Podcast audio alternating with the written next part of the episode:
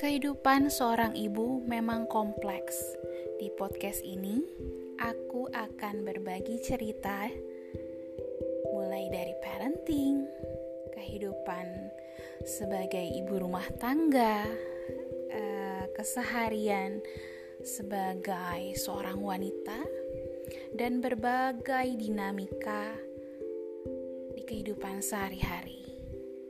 Selamat datang di podcast Obras Ibu, obrolan santai bareng ibu.